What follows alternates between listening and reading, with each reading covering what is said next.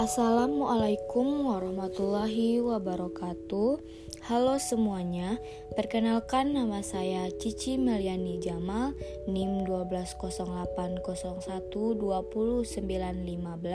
program studi peternakan Universitas Islam Negeri Sultan Syarif Kasim Riau.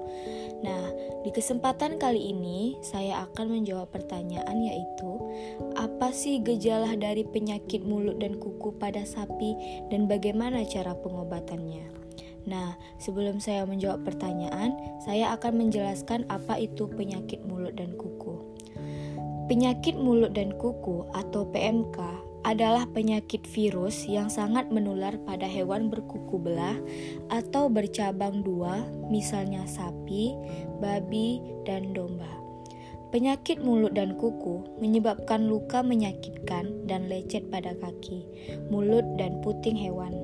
Hadirnya penyakit mulut dan kuku pada ternak memiliki konsekuensi sangat tinggi karena penyakit ini berpotensi menyebar dengan cepat, menimbulkan pembatasan perdagangan hingga berdampak pada kelabilan ekonomi suatu wilayah atau negara.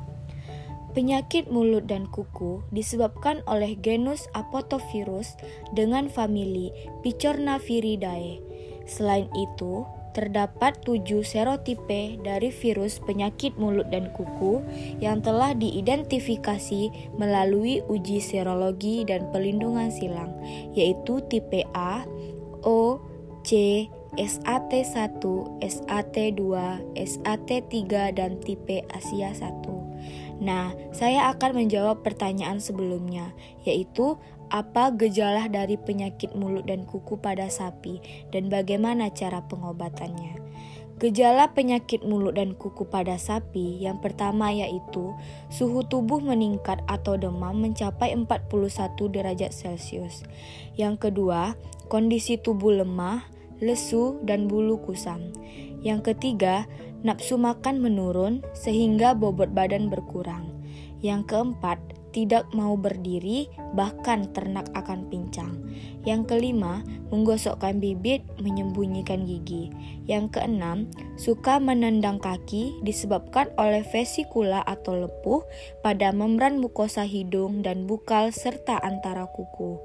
Yang ketujuh, Tanda khusus penyakit mulut dan kuku adalah lepuh-lepuh berupa tonjolan bulat yang berisi cairan saliva pada rongga mulut, lidah sebelah atas, bibir sebelah dalam atau sebagiannya. Nah, bagaimana cara pengobatannya?